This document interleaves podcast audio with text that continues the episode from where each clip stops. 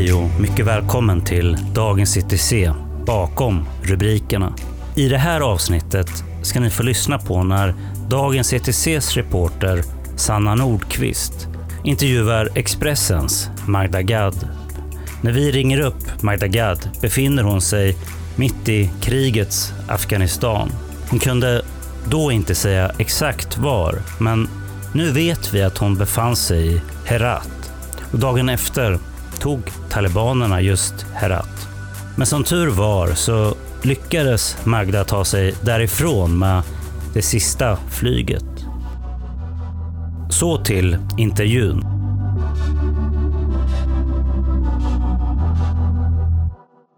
Hej Magda! Hej! Eh, vi kan börja med, vart någonstans, eh, vart någonstans är du nu? Ja, jag är i en, eh, i en ganska stor stad i, i Afghanistan.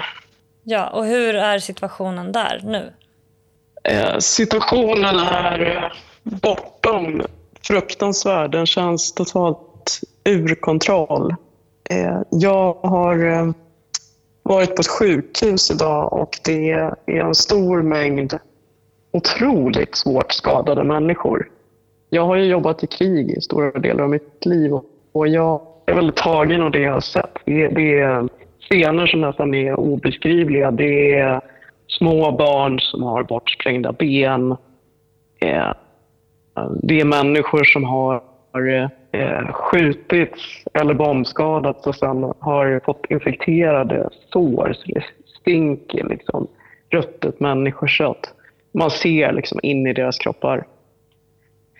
Och historierna som de här människorna berättar, det är, jag, jag kan berätta en sak. Jag, jag gick in på kvinnoakuten och eh, träffar en 23-årig kvinna som ligger med helt stelt uppspärrade ögon i panik och säger att hon är skadad. Och jag ser inte först var hon är skadad.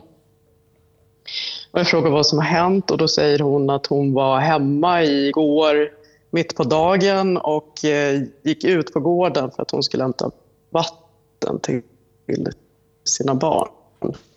Och då exploderar någonting, hon vet inte vad det var. Eh, och hon vet att hennes fyraåriga dotter var någonstans i närheten. Så det hon minns är att grannar kommer rusande så att hon själv skriker min dotter, min dotter, min dotter. Och sen kommer de in till akuten och jag frågar, frågar henne nu då, var, var är din dotter? Då sa hon, ja min dotter blev skadad i magen, hon har opererats, hon har sju stygn och hon ligger på barnavdelningen. Och sen frågade jag henne då, var, var är du själv skadad? Då sa hon i ryggen. Och då frågade jag, får jag se? Och då vänder personalen och hennes syster på och hela ryggen från nacken och hela vägen ner är bortsprängd. Och eh, när jag sen då lämnar den här kvinnan och går ut från hennes rum, då kommer hennes stora syster efter mig ut i korridoren och tar tag i mig och säger att jag måste berätta en sak för dig. Och då säger jag, ja vad, vad vill du berätta? Och då säger hon att eh, min systers eh, dotter är redan död. Vi har begravt henne för en timme sedan och vi eh, klarar inte av att berätta det för henne. Mm. När jag sen då lämnar den här kvinnan och går ut från hennes rum, då kommer hennes stora syster efter mig ut i korridoren och tar tag i mig och säger att jag måste berätta en sak för dig. Och då säger jag, ja vad, vad vill du berätta? Och då säger hon att eh, min systers eh, dotter är redan död. Vi har begravt henne för en timme sedan och vi eh, klarar inte av att berätta det för henne. Du har tidigare beskrivit, och vi har också sett det i rapporter om, om situationen, eh, att det har blivit bättre för kvinnor och barn eh, i Afghanistan. Det stämmer. Det har varit en enorm skillnad om man ser de senaste 20 åren, speciellt i storstäder, men även eh, att kvinnor, flickor har fått mer hjälp ute på landsbygd. Och flera städer i, i, i Afghanistan idag, skulle jag säga Kabul, Kirat Mazar, eh, är på väg att bli liberala. Det öppnar eh, restauranger och kaféer. Eh, man ser oftast, speciellt i Kabul, kvinnor som är ute ensamma och de kan ha lite klack på skorna, de har riktigt tajta byxor, en lös skjorta, en lös sjal.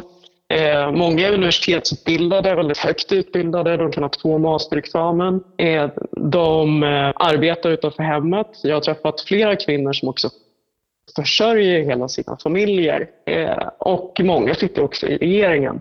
Och de här kvinnorna kommer inte kunna fortsätta med det om, om landet faller i talibanernas händer. Det är de här kvinnorna som är måltavlor för talibaner. De ger sig på alla som är utbildade journalister, jurister, människorättsarbetare eh, mördas. Det är väldigt, mycket riktade mord eh, i landet. Och eh, de kommer inte heller, vi vet från områden som talibaner har tagit över att det, första de gör är att de stänger de statliga skolorna och öppnar sina de här rabbelskolorna där man får sitta och lära sig Koranen utan till eh, på arabiska, ett språk de inte kan, tills de är 12 år. Kvinnor får inte eh, jobba utanför hemmet och de får inte ens eh, gå ut utanför hemmet utan en manlig familjemedlem. En 21-årig kvinna eh, sköts av talibaner eh, utanför Mazar-e-Sharif förra veckan Eh, bara för att eh, hon ville eh, resa ensam. Hon, hon, ville fly från sitt hem. Hon hade inte en, en manlig familjemedlem med sig. Så att det, de här människorna kommer, kommer att berövas sin framtid. Jag såg också eh, uttalandet om att eh, läget i Afghanistan kan utvecklas till en situation som saknar motstycke från FN. Eh, Precis. Vad, vad, betyder, vad betyder det? Eh, och vad har du sett som tyder på att, att det går åt det hållet? Jag håller helt med om den här analysen som kom från FNs sändebud till eh, Afghanistan. Han gick ut med den här varningen till FNs säkerhetsråd. Och det han säger då är ju att eh, det här kriget som vi ser nu kan bli värre än, än något annat krig det här århundradet. Och då är, inkluderas ju då Irakkrigen, Syrienkriget eh, och alla andra katastrofer. Men här då så, så händer ju samma sak som, som skedde när IS tog mycket mark i Irak och Syrien. Att eh, talibaner just nu de går ju runt hus till hus i områden som de har intagit eh, med lister och letar efter människor som eh, har varit soldater eller som till och med bara är långväga släkt med soldater. Eh, de letar efter folk som jobbar eller har jobbat för regeringen oavsett vilken position de har haft. Eh, och de för bort de här människorna och dödar dem. Eh, och det här är en stor utrensning som pågår. Eh, och de också eh, kidnappar eh, flickor över 15 och kvinnor under 45 år och tar dem som arbets och sexslavar. Eh, och det här då tillsammans i att vi befinner oss i ett brinnande krig där eh, man inte tar någon som helst hänsyn till civila och det blir en massflykt och en massvält. Det är ju eh, bibliska proportioner. Det är, det är, folk måste inse att det här är fruktansvärt. Och det då som, som känns så annorlunda också för mig att vara här, det är ju att ingen är här och, och hjälper liksom på plats utan det här får bara ske och människorna är väldigt skyddslösa som i den här staden där jag är nu. Det känns också utom kontroll att eh, på det här sjukhuset jag var till exempel så kom det helt plötsligt in eh, män med eh, Kalashnikov, med automatgevär. Eh, jag fattade inte riktigt först eh, vilka de var. Jag frågade, är ni vakter här? Nej, nej, det vet jag inte. Man får egentligen inte ta in vapen på sjukhus, men det är liksom det finns ingen kontroll, det finns ingen säkerhet. Så att, eh, det är milismän då som, som bara kan gå in överallt och det innebär också att talibaner skulle kunna göra det. Så det är en väldigt otäck situation. Vad tänker du om att eh, de amerikanska trupperna och äh, omvärldens trupper lämnar Afghanistan i det här läget när det har blivit bättre under en lång tid men man samtidigt ser att talibanerna har resurser och kan dra fram på det här sättet? USA kom ju hit 2001, inte på grund av talibaner och inte på grund av afghaner, utan de kom hit för att eh, fånga eller döda Usama bin Laden, som varken var afghan eller taliban. Och eh, när åren sedan gick så eh, var ju USA tvungna att på något sätt motivera varför skulle den här militära insatsen fortsätta. Och då började det här pratet om att man skulle införa demokrati och man skulle rädda Afghanistans kvinnor. Och eh, man började då prata om det här statsbygget som, som man ju inte har eh, lyckats med. Deras mål från början är ju slut. Man har dödat Usama bin Laden och eh, man vill inte vara kvar och det finns väl en opinion i USA Eh, som de ska vara kvar. Där tror jag även eh, de flesta afghaner som jag pratat med eh, delar ju den åsikten att, att USA kan inte vara i Afghanistan för evigt. Det vill ingen, som jag uppfattar det. Eh, det som hände dock det var ju att när eh, Trump var president i USA innan han skulle gå till återval eh, så började då de här förhandlingarna med talibaner. Och han ville ju då kunna stå och säga eh, i sin valkampanj att han har avslutat kriget i Afghanistan och gjort ett fredsavtal. Eh, och, och det är ju rent eh, skitsnack på ren svenska för det har ingenting med, med fred att göra överhuvudtaget. Eh, utan det man gjorde var ju samma sak som man gjorde i Vietnam när man känner att eh, det här är ett krig som inte vi vill vara kvar i. Vi vinner ingenting på det här. Det går inte att vinna de här krigen militärt. Vi vill, vi vill dra oss ur. Eh, och eh, då eh, överger, man, överger man sina allierade, går över huvudet på dem och ingår då avtal med, med fienden och sen lämnar. Och som de gjorde här i Afghanistan, de lämnade i skydd av mörkret sina baser och, och försvann. Eh, och eh, det här får man ju se att Trump gjorde inte på något vis för att han tänkte på vad som skulle hända i Afghanistan utan att han ville eh, vinna valet i USA. Det var en inrikespolitisk amerikansk fråga för honom. Och eh, det som eh, många analytiker och även folket här i Afghanistan säger är ju att eh, man har lämnat utan att ta ansvar att man skulle ha lämnat mer ansvarsfullt. Eh, man skulle inte ha lämnat innan det fanns en klausul om eh, vapenvila, innan man såg att det fanns en väg framåt för fred. Att som det var nu, när man vet att Pentagon och det fanns eh, väldigt tydliga underrättelserapporter som beskrev ingående för flera, flera månader sedan att exakt det som sker nu skulle ske. Och ändå så satt man där och bestämde sig för att ja, nu låter vi det här ske. Så det är inte så att det här bara har hänt från ingenstans. Utan man visste att det skulle hända, man lät det hända och nu när det händer så ingriper man inte. Mm, precis. Vad tänker du att, eh, att om, omvärlden har för ansvar och vad, vad skulle man kunna göra nu i det här läget som vi är i nu? Det, det är väldigt tydligt att det är en skyldighet att FN, världssamfundet, har den skyldigheten. Eh, men det är ett ansvar som, som man inte tar. Samtidigt som det har blivit värre i Afghanistan nu så har det ju också blivit svårare att ta sig till Europa. Vad, vad finns det för alternativ för de människor som tvingas fly från Afghanistan nu? Det här tvingas fly från Afghanistan, det, den situationen som människor befinner sig i just nu är att de har svårt att ta sig från ett första till ett annat. Eh, många människor har svårt att ta sig ut från sitt hus. Jag har träffat människor idag som har sagt att eh, det går inte att kliva ut utanför dörren i, i de områden där de bor för de dödas. Eh, och anledningen till att jag vet det är för att jag har träffat dem när de är skjutna. Så att när man då eh, befinner sig hemma och eh, talibaner kommer eller strider bryter ut och man inser att eh, jag måste fly för, för annars kommer jag att, att dödas. Folk lämnar ju bara sina hus i kläderna de eh, råkar på sig, de vill ta med sig någonting och sen försöker de ta sig till närmsta eh, plats som är mer säker. Och det kan det vara att man kommer från distrikt som ligger på landsbygden in till närmaste stad.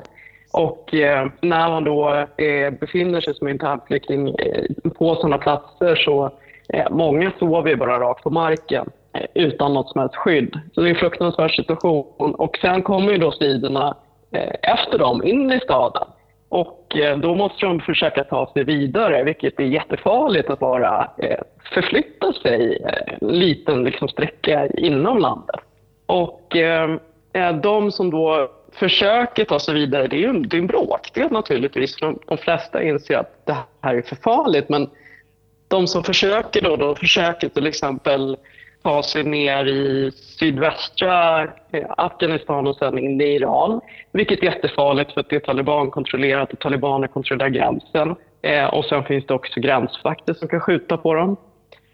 Och eh, lika farligt om de vill ta sig till Pakistan. Det är samma sak där. I sydöstra eh, Afghanistan, om man ska ta sig till Pakistan, så har ju talibaner begått en stor etnisk rensning i just det området, Spin Boldak där man även eh, dödade och eh, massakrerade kroppen av en Reuters-fotograf. Och om de då ska försöka ta sig vidare sen från Pakistan till Turkiet, eh, då måste de anlita smugglare, betala fruktansvärt mycket pengar per person. Ja, för det händer ofta att denna knivade om och låser in dem på fruktansvärda ställen. Jag vet att med en, en person som barn de var väldigt små barn. Och smugglarna då låste in dem i ett stall med djur och bajs. Eh, och de fick inte mat, de fick inte rent vatten. Eh, och sen utpressar de då släkten att de ska skicka pengar för att de ska frisläppas. De kan också komma med så här orimliga krav och säga att eh, här är gränsen, ta er över och betala mig. För nu har jag hjälpt dig och då kan det vara att det är ett flera meter högt staket med ståltråd och beväpnade gränsvakter på andra sidan. Och det är en omöjlighet, det går ju inte. De, de kan inte klättra upp, de kan inte hoppa ner. Och gör de det så blir de skjutna. Eh, och då säger då smugglarna att ja, men jag gav dig ett alternativ, du tog inte det, så nu måste du betala mig i alla fall. Och då kan ju de redan ha sålt eh, eh, sitt hus och sin bil, de har ingenting kvar i, i Afghanistan att komma tillbaka till. Det är så det ser ut, att, att då bara försöka ta sig inom landet eller till eh, något grannland och, och sen liksom nu med covid och allting försöka ta sig vidare ut i Europa, det är fruktansvärt svårt. De flesta människor som jag träffar, de orkar inte ens fundera på det här. De är snarare handlingsförlamade. De vet att är jag kvar hemma så kommer jag bli dödad. Men det är som att eh, de, de känner så stor hopplöshet så att eh, det stängs av på något vis. De, de försöker säga att ja, det kanske blir bra och så stannar de hemma och sen eh, löper de en stor risk att dödas. Jag vet inte om du har följt, eller det har du väl, följt diskussionen i Sverige. Ehm, det har varit inför att vi fick en ny migrationslagstiftning har det varit mycket diskussioner om hur man kan strama åt och även volymmål. Ehm, har du några tankar om hur den här frågan eh, har diskuterats i Sverige? Jag har inte följt det inrikespolitiskt men bara jag hör dig prata nu så eh, knyter det sig i magen och jag mår illa för att det är så otroligt många människor här som Eh, har akut skyddsbehov. Det är naturligtvis inte, Sveriges ansvar, men eh, det gör mig otroligt upprörd när folk som sitter i väldigt säkra, väldigt trygga länder som Sverige, där man inte haft krig på över 200 år, när man då följer nyheterna från Afghanistan och ser att det är en människoslakt som pågår och sen börjar man fundera över oj, hur ska det här bli för Sverige? Eh, det är inhumant, det, det är oförskämt. Den sista veckan har det varit stort fokus på vilket ansvar Sverige har för de som på olika sätt har bistått svensk militär. Framförallt de som har tolkat. Vad tycker du att Sverige har för roll i att, att hjälpa dem och skydda dem nu? För det första så måste jag poängtera här, väldigt eh, kraftigt understryka att de eh, som lever under dödshot på grund av att de har jobbat med svenskar, de är inte bara tolkar. Jag vet inte varför Sverige har eh, blivit så fokuserade på att prata om just det här med tolkar. För en taliban så spelar det ingen roll om du har jobbat som tolk, eller vakt, eller köksassistent eller chaufför eller konsult. En taliban frågar inte vad gjorde du för utlänningarna. En taliban frågar inte när jobbade du för utlänningarna. En taliban frågar inte hur länge jobbade du för utlänningarna. En taliban frågar jobbade du för utlänningarna? Och är svaret ja, så blir du dödad. Och naturligtvis så har Sverige ett ansvar i det här. Det här är människor som har varit anställda, är anställda också, av svenska regeringen Som har varit anställda av svenska försvarsmakten som har hjälpt och möjliggjort svenskarnas insats i Afghanistan och som har skyddat svenska soldaters liv. Eh, eller som nu. Eh, vi skrev ju om det här i Expressen igår att den lokalanställda personalen på svenska ambassaden att det inte finns någon evakueringsplan för dem. Och de känner sig behandlade som djur. Det, det är sådana som har kunnat jobbat där i 15 år och möjliggjort eh, svenskarnas, eh, att de ens ska kunna existera i Kabul. Eh, och nu så, så vet ju de att blir det ett sämre läge så kan, så kan svenskarna eh, evakuera snabbt medan de lämnas kvar. Morgan Johansson svarade... Och jag är ju också... Ja, nej, jag eh, kan lägga till också att eh, jag har ju också varit i, i Mazar. Eh, där de flesta då som har jobbat för den svenska militära insatsen finns. Och eh, händelseutvecklingen i norr går väldigt snabbt. Eh, jag kom till Mazar och då var det strider, strider som närmade sig provinsen som ligger till eh, väst om Mazar. Eh, och eh, en och en halv dag senare hade hela den provinsen fallit. Och eh, när jag då kom till Kabul ett par dagar senare så hade även provinsen österut fallit. Så Mazar just nu är, är inklämt. Det är det enda området i norr som, som inte har tagits över av talibaner. Eh, och attacker mot staden har börjat. Eh, och jag ser inte att det finns en chans att den staden eh, inte kommer falla. Och här sitter det ju då minst 15 tolkar plus all den här andra då personalen som har jobbat för svenska insatsen. Tar emot hot, eh, vågar inte gå ut, har fått skydd hos vänner eh, och, väntar på att bli dödade. Och det här handlar inte om att man kan fundera över en lösning i en vecka eller i, i två veckor utan eh, det här handlar om att de kan bli mördade idag. Eh, Morgan Johansson skrev ett meddelande till Sveriges Radio att det kunde vara ett brott mot grundlagen att lägga sig i enskilda ärenden. Och han har också uttalat sig och sagt att det är omöjligt för Sverige att ta emot alla de som, som berörs med sina anhöriga. Vad, vad, tänker du, vad tänker du om den inställningen? Att man inte skulle ha anställt dem då det säger sig självt. Man anställer inte en person i, i Afghanistan om man inte har en plan för hur, hur man ska kunna skydda den personens liv. Och nu när man redan har gjort det? Eh, ja, eh, som jag förstår det så eh, gick man förbi den lag som fanns när man gjorde den här gymnasielagen. Så att det är väl självklart att det går att ta ett nytt beslut eh, om att man ska ta hem Eh, de här personerna eller att man ska eh, evakuera de här personerna. Eh, och eh, det de säger också eh, är ju inte att det här är inte personer som vill leva i Sverige. Det är inte det det handlar om. De ber inte om, Eh, om bidrag, de ber inte om mat, de ber inte om vatten. De ber om säkerhet. De säger att de behöver sättas i säkerhet. Det skulle till och med kunna handla om att sätta dem i säkerhet i tredje land. Hur tänker du om din egen situation eh, just nu? Du är den sista svenska journalisten som är kvar. Eh, vi hör att radiostationer stängs ner, journalister jagas. Eh, en chef för en radiostation misstänks ha mördats av talibanerna. Hur tänker du om din säkerhet? Är du rädd? Jag blir väldigt rädd när jag ser eh, det som händer. Inte främst för min egen skull utan för att det är väldigt obehagligt att stå bredvid och se på när människor eh, dödas. Det, det gör mig rädd. När det gäller min egen station så ser jag det som mitt ansvar att vara här. Eh, det är inte så många journalister här. Eh, även afghanska journalister som har rapporterat från eh, platser utanför Kabul är inte kvar där. Det är väldigt svårt för människan att få ut sina berättelser. Världen får inte se vad som händer i det här kriget. Och jag är här, jag är journalist, jag är människa. Jag känner att jag har ett ansvar eh, och jag känner att jag kan göra det här. Det här är mitt jobb, det är någonting som jag har lång erfarenhet av eh, och jag har också tre års erfarenhet av Afghanistan jag har väldigt bra nätverk här, jag känner landet, eh, jag vet hur jag kan smälta in och i och med att jag kan det så ser jag att det blir skyldighet att göra det.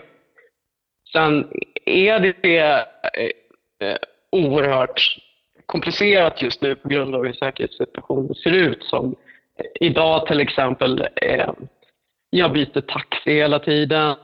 Eh, jag säger inte till taxichauffören vart jag ska. Jag ger en, eh, en adress som är eh, i närheten av dit jag ska och sen går jag ut och sen väntar jag tills taxibilen har åkt och sen promenerar jag. Det är för att ingen ska se mellan vilka platser jag rör mig eller vart jag bor.